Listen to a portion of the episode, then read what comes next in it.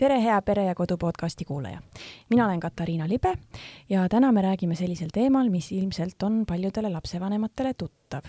nimelt me räägime aktiivsus- ja tähelepanuhäirest, aga me räägime sellest täna pigem täiskasvanute puhul. ja mul on külla tulnud Eesti ATH Liidust Eliise Peelo ja Karl Hammerberg. tere, Eliise, tere, Karl! tere! tere! kuidas teie saite teada, et teil on ATH ehk siis aktiivsus- ja tähelepanuhäire? Äh, minu puhul äh, tegelikult diagnoositi see alles äh, viis kuud tagasi, et ma olen kolmekümneaastane ja terve elu ma olen tundnud, et ma olen natukene teistmoodi, mulle on seda ka öeldud, sõbrad erineval kujul ikka aeg-ajalt ütlesid, et et noh, et sa oled ju alati olnud veider ja või imelik või et, et oh, et sa oled nii armsalt sassis ja noh, selliseid asju, et ma ei saanud sellest kunagi aru. Kaks tuhat seitseteist aastal mul diagnoositi kõigepealt tegelikult depressioon ja eelmisel aastal ärevushäire. Ja siis ma juba enam-vähem sain teada, et on olemas ka ATH ja hakkasin uurima, et mis need sümptomid on. Ja mida rohkem ma uurisin internetist äh, neid sümptomeid, seda rohkem ma tundsin ennast seal ära. ja ma sain aru, et okei okay,, mul võib olla ATH ja siis ma läksin juba psühhiaatri juurde siis selle jutuga, et äh, ma kahtlustan, et mul on ATH Äh, aga kahjuks ei võetud mind seal tõsiselt, et kolm kuud äh, ma püüdsin äh, selgitada, et, et saatke mind uuringutele, aga kahjuks seda ei võetud kuulda, nii et lõpuks ma pöördusin erakliinikusse ja, ja seal siis pidin küll tegema suurema väljamineku, aga paari nädalaga oli mul siis väga selge, väga kindel ATH diagnoos ja nüüd siis, siis viis kuud olen võtnud ka ravimeid. mis need sümptomid olid, mis sul siis nagu väga selged olid? Äh, jaa, no kuna diagnoosimata ja ravimata ATH-ga tihtilugu kaasubki depressioon ja ärevushäire, siis äh, minul ka aja jooksul need sümptomid äh, tegelikult läksidki nii hulluks, et äh, noh, ma ei tea, selline tujukus ja ärritumine on mul olnud nagu mõneti terve elu. Äh,, selline nii-öelda pea laialiolek, et kogu aeg äh, huvid vahetuvad emotsioonid vahetuvad kord on tuhin teha ühte asja, siis väga ruttu tüdinen, tüdinesin sellest ära, siis pidi jälle tulema uus, aga, aga lõpuks, kui see läks ikka päris hulluks, no siis oli esiteks olnud see, et ma olin olnud juba paar aastat äh, sisuliselt kodus äh, lapsega üksinda äh, ja, ja ma ei suutnud äh, ma ei suutnud ennast sundida äh, tegema tööd või mingisuguseid asju, mida ma nägin, et peaks tegema ja mida mu, ma ei tea, ema ütles mulle, et peaks tegema või peab tegema või mida ükskõik kes ütles, et lah, lihtsalt tee ära või lihtsalt tee seda või toda, on ju. ma ei suutnud neid teha ja teine asi oli see, et äh, minu ärritus äh, muudkui kasvas ja tegelikult äh, ma hakkasin äh, seda välja elama oma lapse peal ja ma kohati äh, isegi olin vägivaldne, sest temal olid suured äh, agressiivsuse hood ja selleks, et äh, seda lõpetada, siis ma olin nii viimase piirini viidud, et ma andsin talle pepu peale laksu, eks ole, noh, väike laps, ja vot siis ma sain aru, et ähm, et see ei ole normaalne, et ma vajan abi ja, ja, ja siis äh, ma nagu jah, võtsin julguse kokku, sest varasemalt ma äh, ma küll olin ka käinud psühholoogide ja psühhiaatrite juures paar korda ja, ja noh, erinevaid teraapiaid proovinud ja hästi palju iseennast aidata proovinud, aga ma olin kogu aeg nagu seda meelt, et, et ravimeid mina ei, ei hakka võtma, et niikaua kui võimalik, ma väldin seda, et mulle alati nagu ravimid tundusid sellised äh, noh, et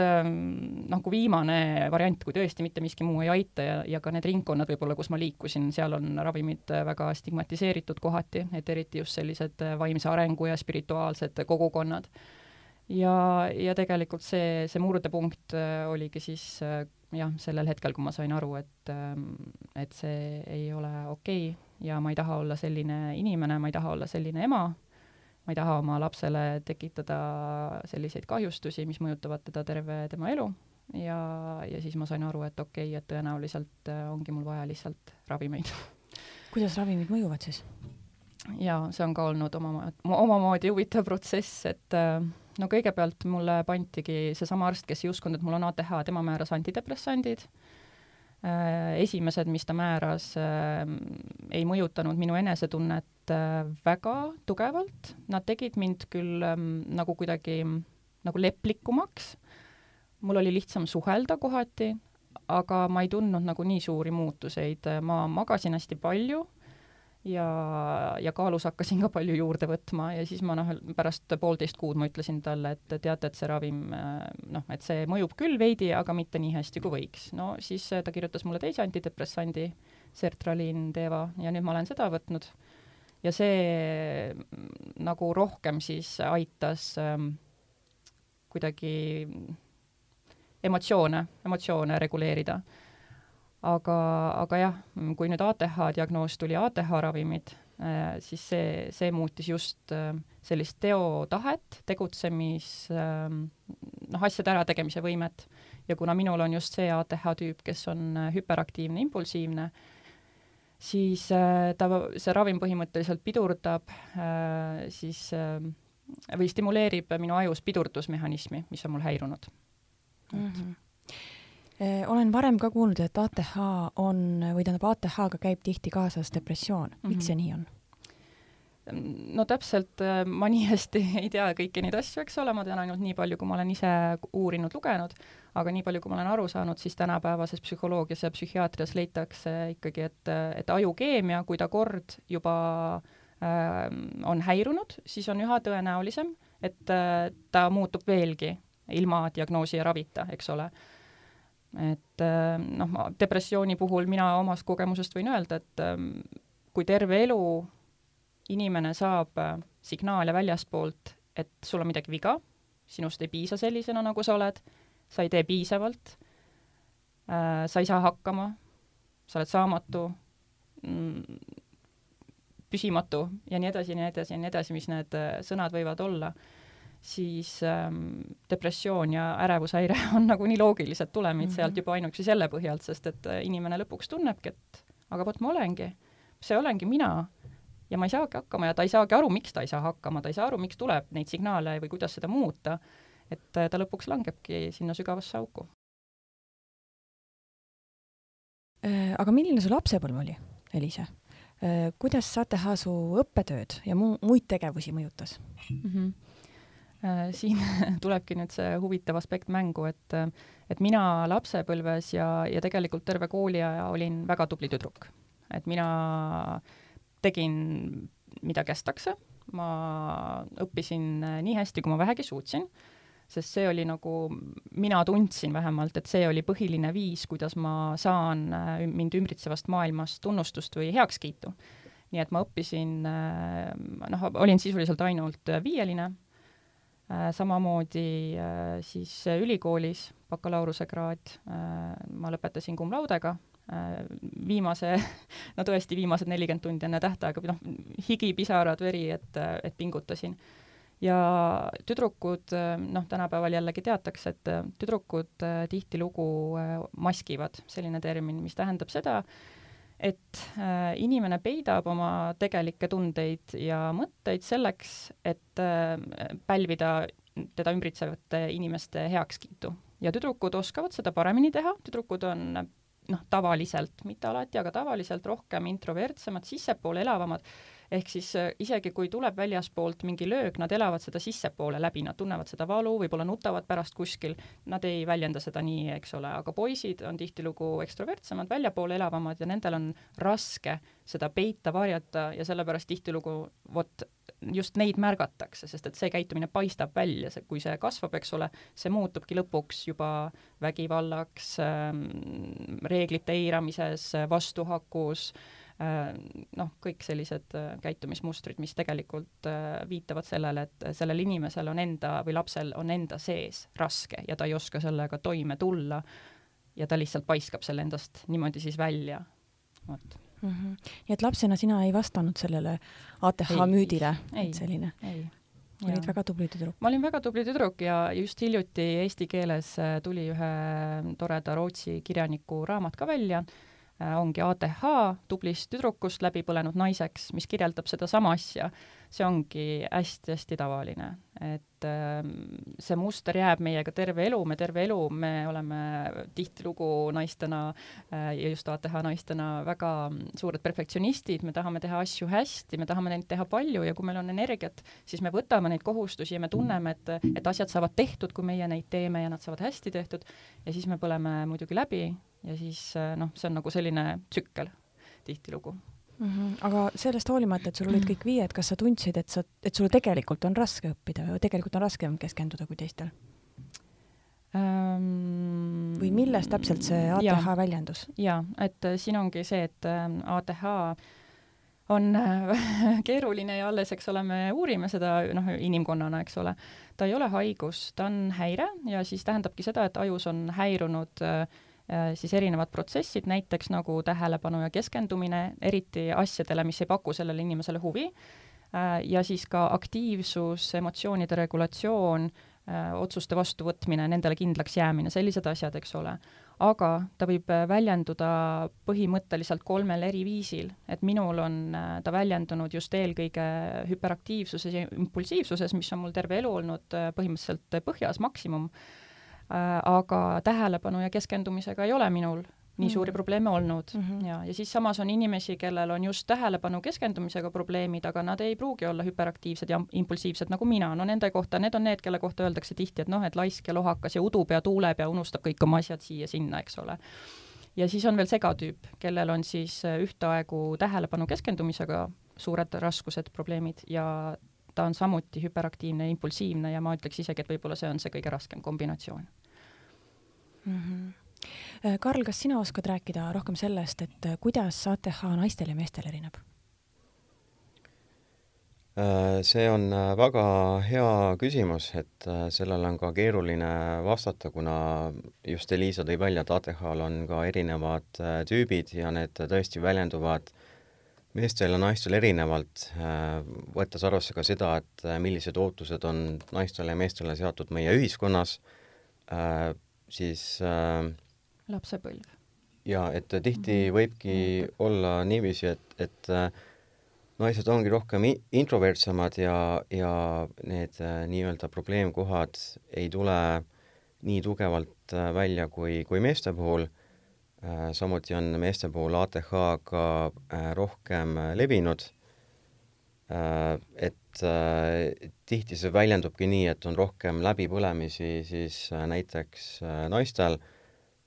kuna nad tõesti üritavad olla tublid, asjadega hakkama saada, aga see kõik on raske ja siis ühel hetkel selgubki, et, et tegemist on ATH-ga, mis on üpriski äh, Äh, mitme meetodiga äh, on, on võimalik seda aidata, äh, aga anda sellist üldist vastust, mis võtaks kokku kõik need erinevused, seda on raske anda, kuna iga inimene on erinev ja see väljendub erinevalt. kuigi meeste puhul küll riskikäitumist esineb tunduvalt rohkem ja see on küll tugevalt seostatud ATH-ga. et nad mhm. tihtilugu otsivad põnevust, eks ole, sest meie aju, meie aju sisuliselt äh, Äh, dopamiini äh, ei ole seal piisavalt. põhilist õnne- ja heaoluhormooni dopamiini ei ole seal piisavalt äh,. meie aju saab seda uudsusest ja, ja noh, seal on muidugi veel nüansse, aga mehed just eriti tihtilugu, noh, see, me näeme seda ju igal pool, eks ole, hüppavad äh, pea ees vette ja kihutavad ja teevad igasugu hullusi juba noh, lapseeast saati, et et äh, see on, riskikäitumine on kindlasti üks mm. -hmm Äh, sa rääkisid, Eliise, enne sellest, kuidas sa ei saanud seda diagnoosi mm. -hmm. kas selle taga võib olla see, et, et endiselt väga palju usutakse seda, et ATH-st kasvatakse välja, et tegelikult ju ATH-st teatakse ammu, aga sellest, et, et ta ka täiskasvanutele esineb, et see vist on üsna uus teadmine. aga kui palju tegelikult sellest võib välja kasvada? sel teemal Karl oskab äh, isegi võib-olla täpsemini vastata äh,. jaa, et äh see äh, info, et see, et see ei ole ainult äh, lastehaigus, see on uudne ainult Eestis, aga läänemaailmas on seda teatud mitukümmend aastat ja nüüdseks äh, uuemate uuringute põhjal saab üldistades öelda, et kahel juhul kolmest inimene ei kasva ATH-st välja, see jääb püsima ka täiskasvanueas. kahjuks Eestis seda veel väga hästi ei mõisteta ja sellel põhjusel äh, on äh, probleem ka näiteks ATH ravimitega, mida Haigekassa hüvitab äh, lastele, aga mitte täiskasvanutele. Ja, ja kuna kuna need ravimid võivad maksta kuni kakssada viiskümmend eurot kuus, siis see on üpris problemaatiline, et ma väga loodan, et, et ka uuem informatsioon, mida lääneriikides teatakse, võetakse kasutusele varsti ka Eestis mm. -hmm. kas sellega muuhulgas tegeleb ka teie liit, et, et äh, varsti võib-olla saaks võimalikuks see, et Haigekassa hüvitaks neid ravimeid? Äh, jaa, et Eesti ATH Liit ongi ATH inimeste huvikaitseorganisatsioon ja me oleme nendele probleemkohtadele juhtinud tähelepanu pikemat aega oleme suhelnud erinevate riigiasutustega ja oleme pöördunud ka õiguskantsleri poole ja õiguskantsler ähm, võttis selle teema ette ja tegi ülimalt äh, põhjaliku äh, avalduse kuuendal äh, juulil, kus ta tegelikult tõi välja, et ATH ravimite hüvitamine lastele, aga mitte täiskasvanutele, kes said diagnoosi täiskasvanuna, et see on isegi põhiseadusega vastuolus, vastuolus siis põhiseaduse paragrahv kaheteistkümnega, mis on siis inimeste võrdle, võrdne äh, kohtlemine, ja nüüd on erinevad protsessid liikuma hakanud ja loodetavasti äh, Haigekassa äh, lahendab äh, selle äh, murekoha niipea ära kui võimalik. Ja kõige parem punkt selle juures on see, et äh, jällegi lääneriikide näitel mitmed uuringud äh, on välja toonud, et ATH ravimite hüvitamine äh, kulutõhususe suhe on äärmiselt hea, ehk siis üks äh, seitsmele. iga euro, mis on kulutatud ATH ravimite hüvitamisele riigi poolt, tuleb riigile seitsmekordselt tagasi kulude vähenemisega ja tulude tõusuga ja see kulude vähenemine mõjutaks kõige rohkem Haigekassat seega pikas perspektiivis, kui Haigekassa äh, lõpuks teeb selle muudatuse ära, et ATH ravimeid hüvitada ka täiskasvanutele, siis äh, toob neile tegelikult raha isegi tagasi ja ma väga loodan, et nad vaatavad ka seda suuremat pilti ja pikemat plaani ja, ja,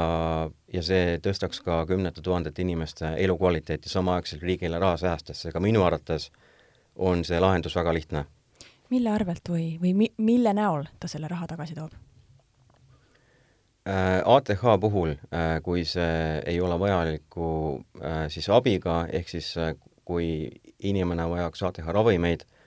aga ta ei saa neid osta, siis see väljendub mitmete teiste probleemidega, mis koormavad tervisesüsteemi. näiteks on levinud Äh, depressioon, äh, ärevus, äh, samuti ka teatud sõltuvusprobleemid, nagu näiteks suitsetamine, et ATH puhul on suitsetamine kaks korda rohkem levinud kui tavapopulatsioonis, samuti on avastatud seda, et kuni neljakümnel protsendil depressioonis olevatel inimestel võib olla diagnoosimata ATH ja kui me võtame kõike seda arvesse, et äh, meil ongi inimene, kellel ei teata, et tal on ATH, ta ei ole saanud diagnoosi, kuna sellest teatakse vähe või ta ei saa ravimeid välja osta, äh, tal võibki olla vaimse tervisega probleeme aastaid ja see on äh, koorem tervisesüsteemile, riigile ja lahendus sellega oleks väga lihtne, samuti ma tõin selle suitsetamise näite, et suitsetamine on väga kahjulik ja, ja äh, samuti kulu Äh, meie tervishoiusüsteemile ja kui me saaksime kõiki neid asju vältida äh,, parandades ligipääsu ATH ravimitele, siis, siis need on ainult mõned asjad, mis läheksid äh, paremaks. aga neid asju on ka mitmeid äh, teisi mm. -hmm no ilmselt ka riskikäitumine toob mm -hmm. päris suure koorma Haigekassale. ma küsiksin veel natukene ravi kohta. et äh, me oleme ravimitest küll rääkinud, aga kas ATH-d saab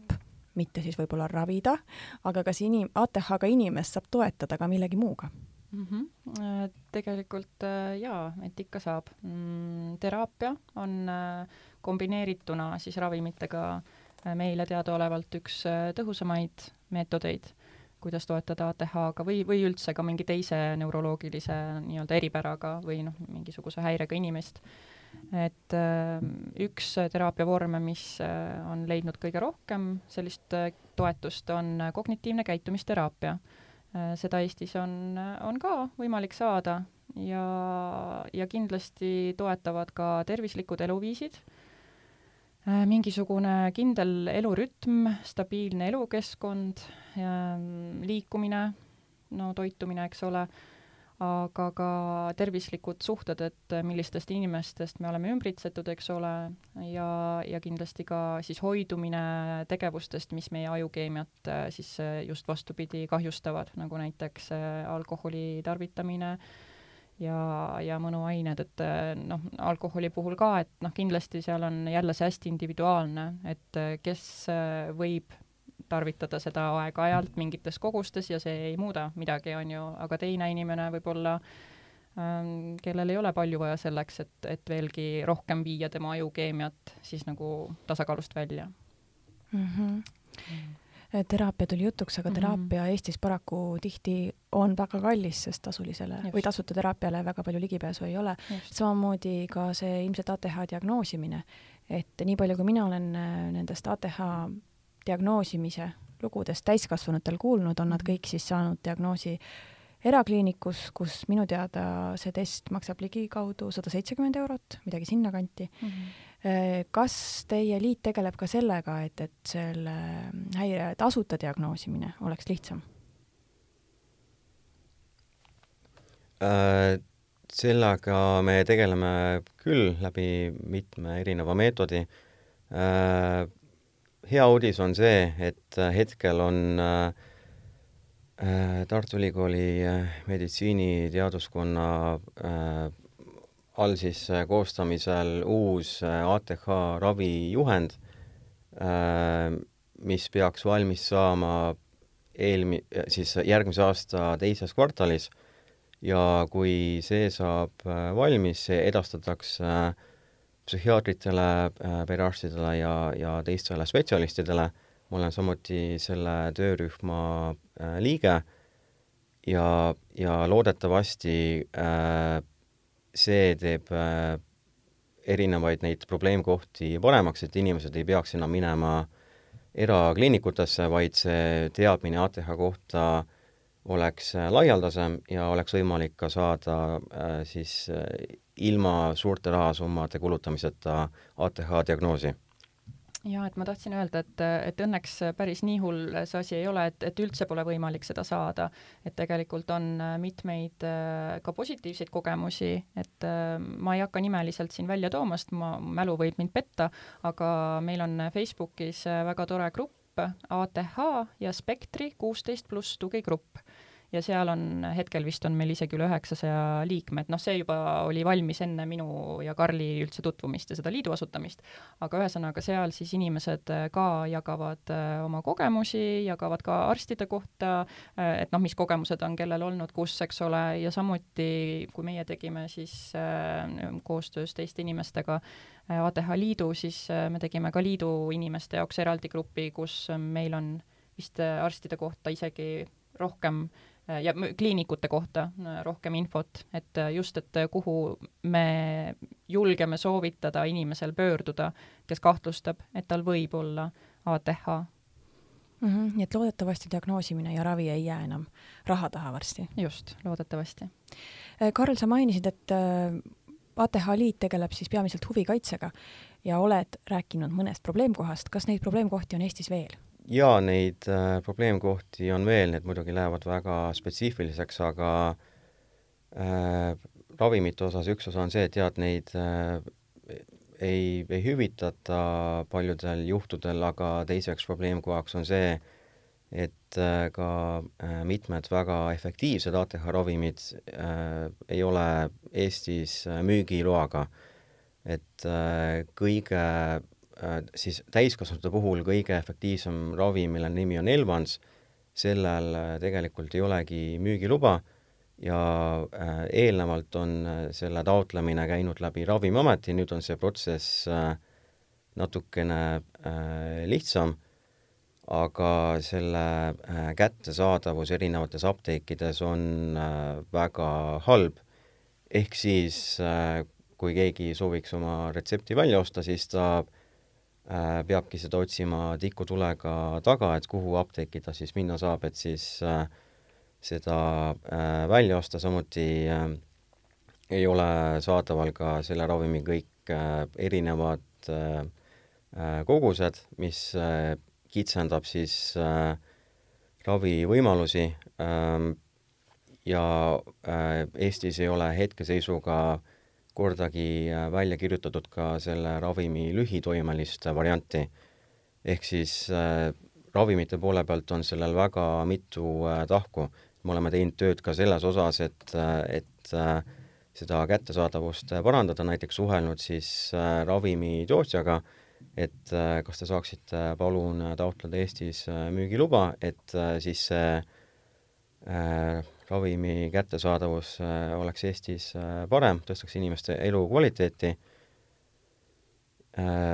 Ja diagnoosimine oli teine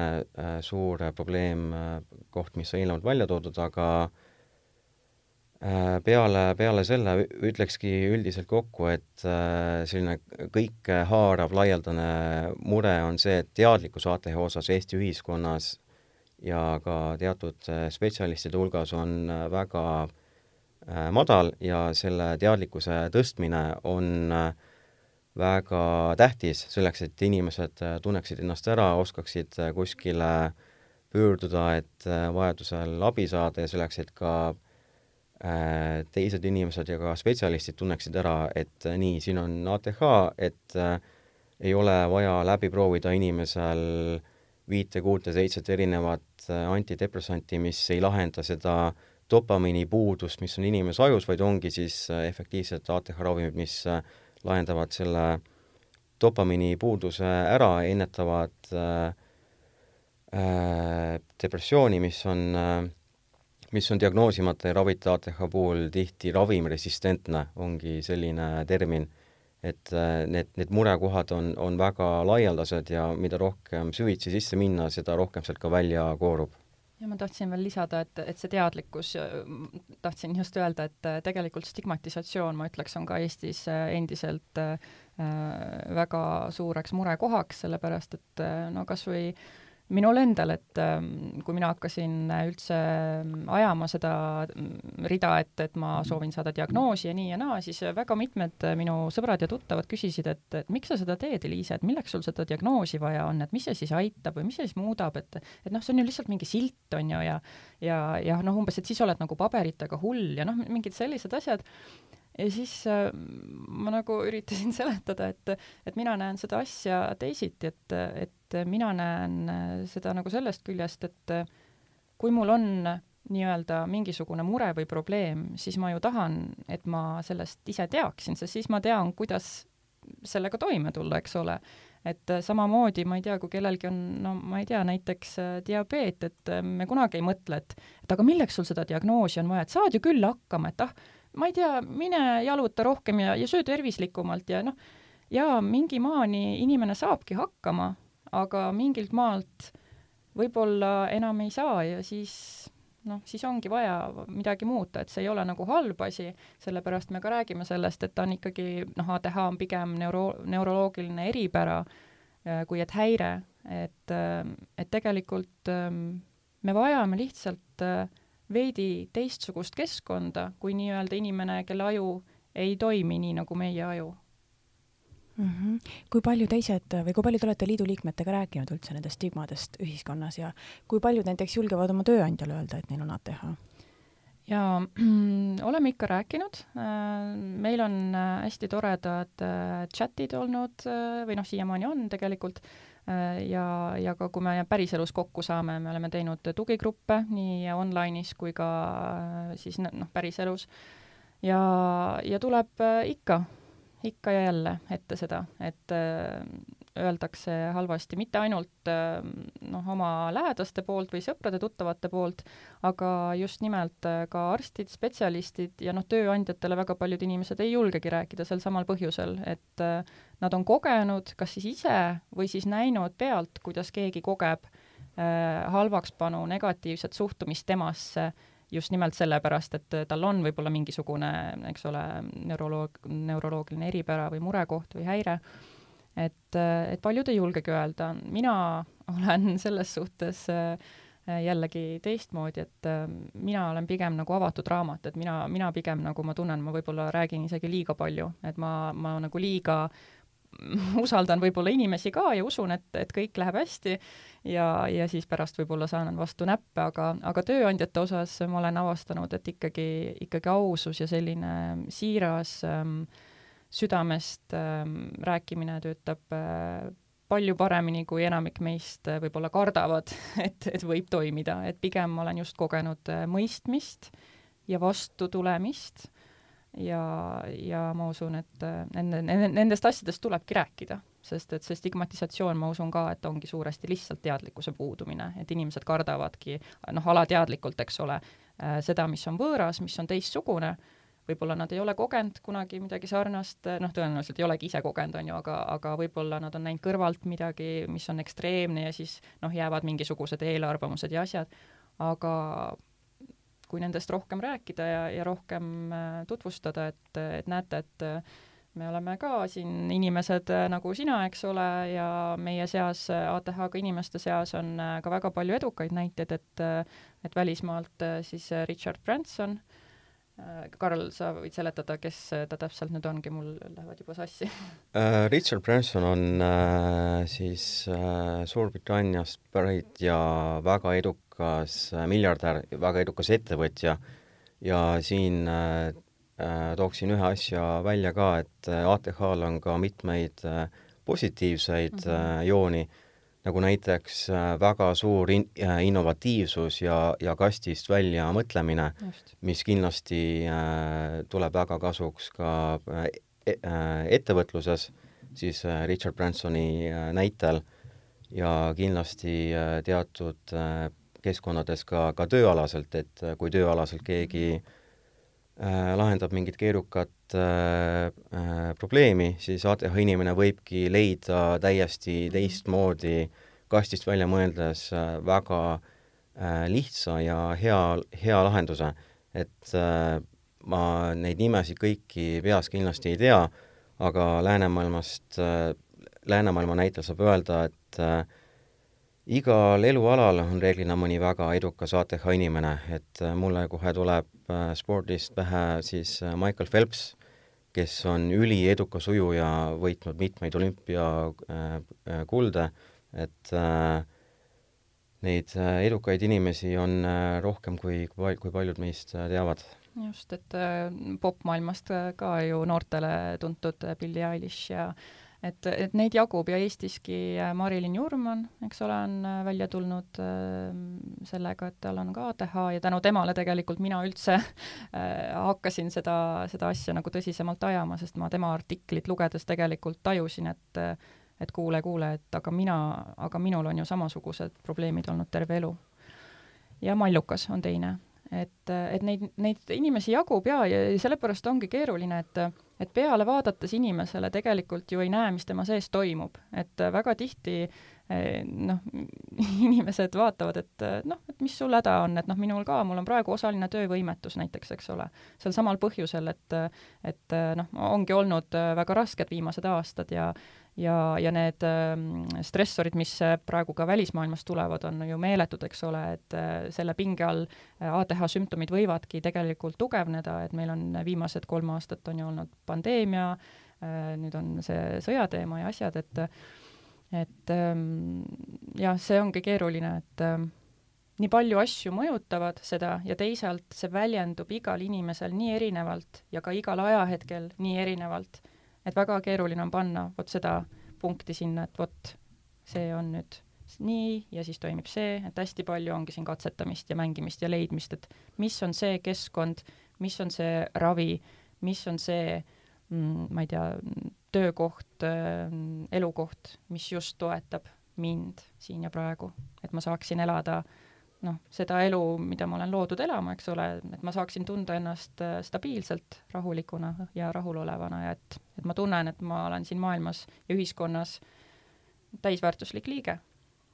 mm. -hmm. ma küsiks nüüd siis lõpetuseks äh, teilt äh, mõningaid soovitusi, kõigepealt kuna meil on ikkagi pere ja kodu podcast ja enamasti kuulavad meid lapsevanemad, siis mida te soovitate lapsevanematele, kelle lapsel on ATH?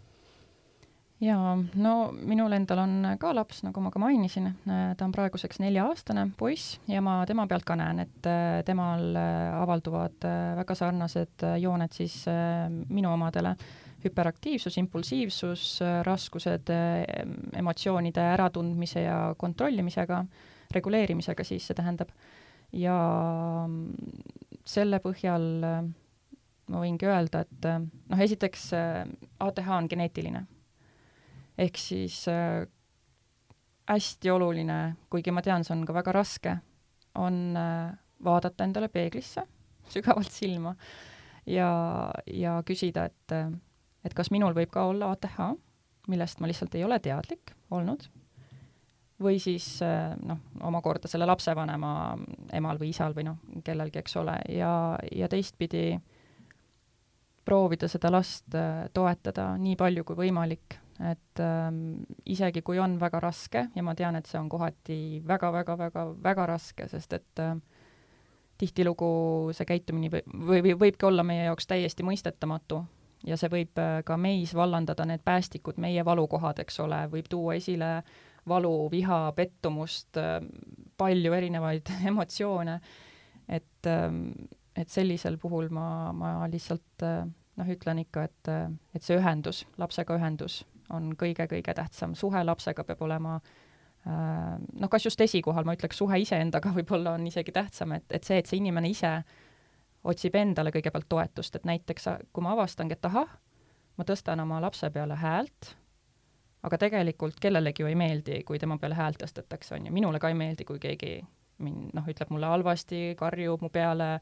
mõnitab, alandab, mis iganes, on ju, aga, aga tihtilugu me ei märka, kui me ise seda teeme, me nagu peidame selle ära, sest et noh, endast on ikka tavaliselt inimesel ju mingi selline ettekujutus, et noh, et mina, mina olen noh, hea ja nii ja naa, on ju, aga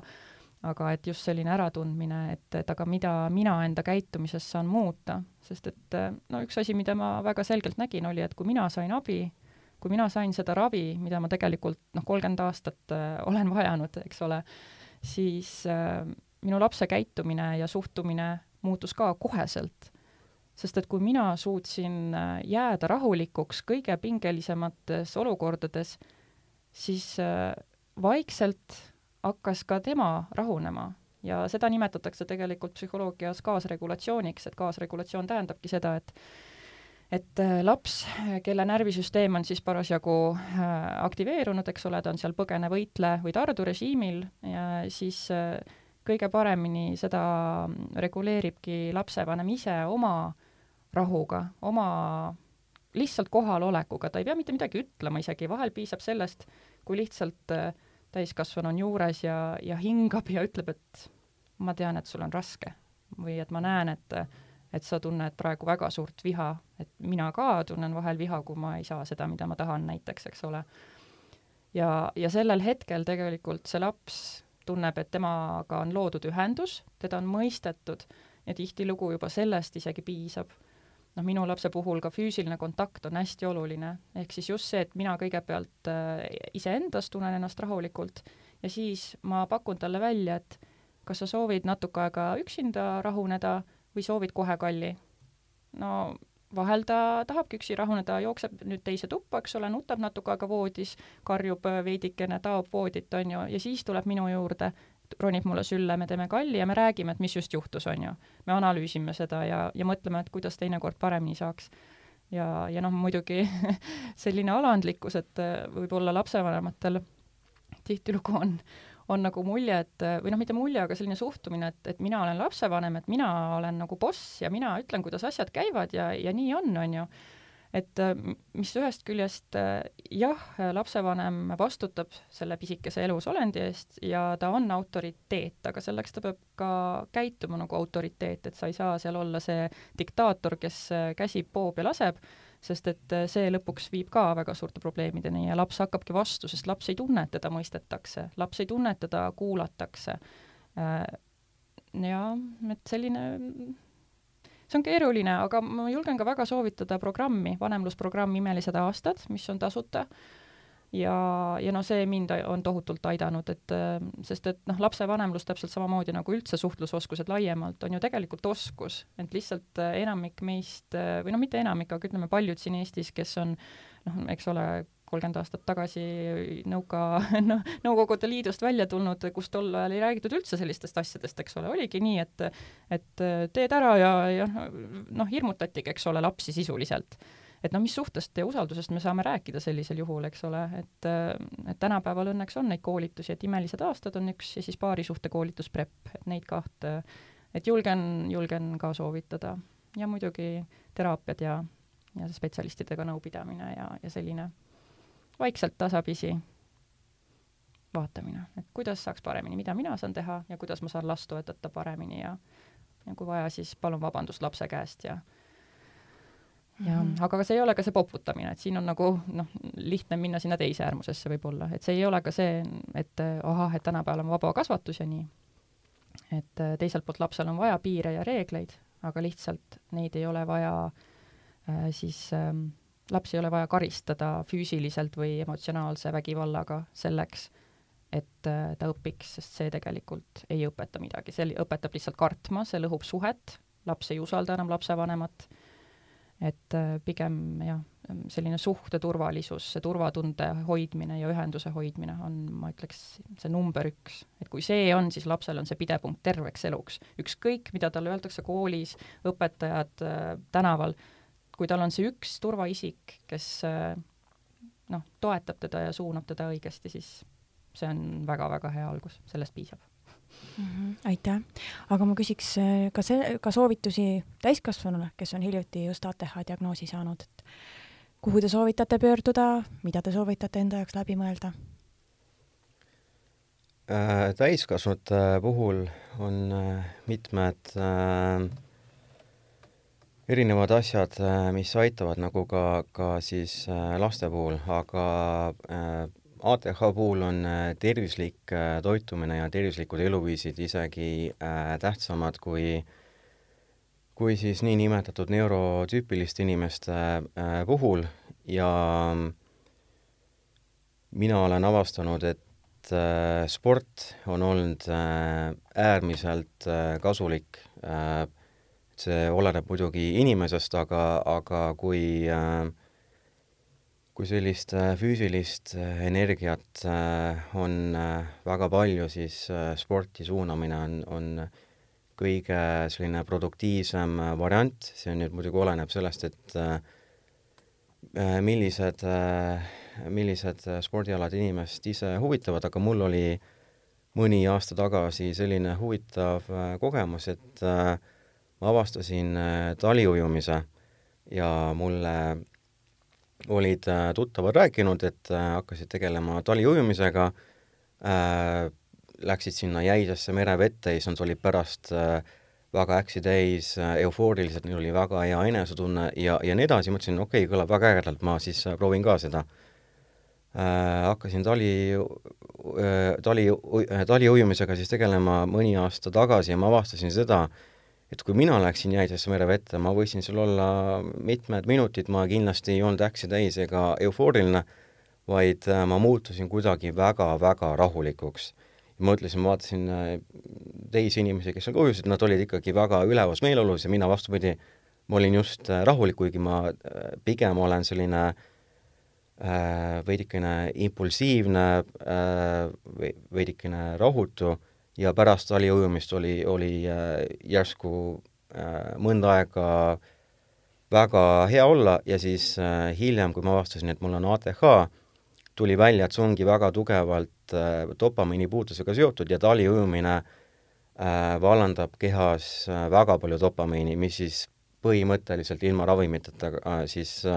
aitas väga tugevalt kaasa sellele dopamiini puuduse lah- äh,, lahendamisele ehk siis lühidalt kokkuvõttes soovitan leida inimestel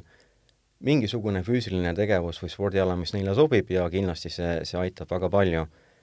äh,. Rääkides sellest, et äh, kuhu, kuhu pöörduda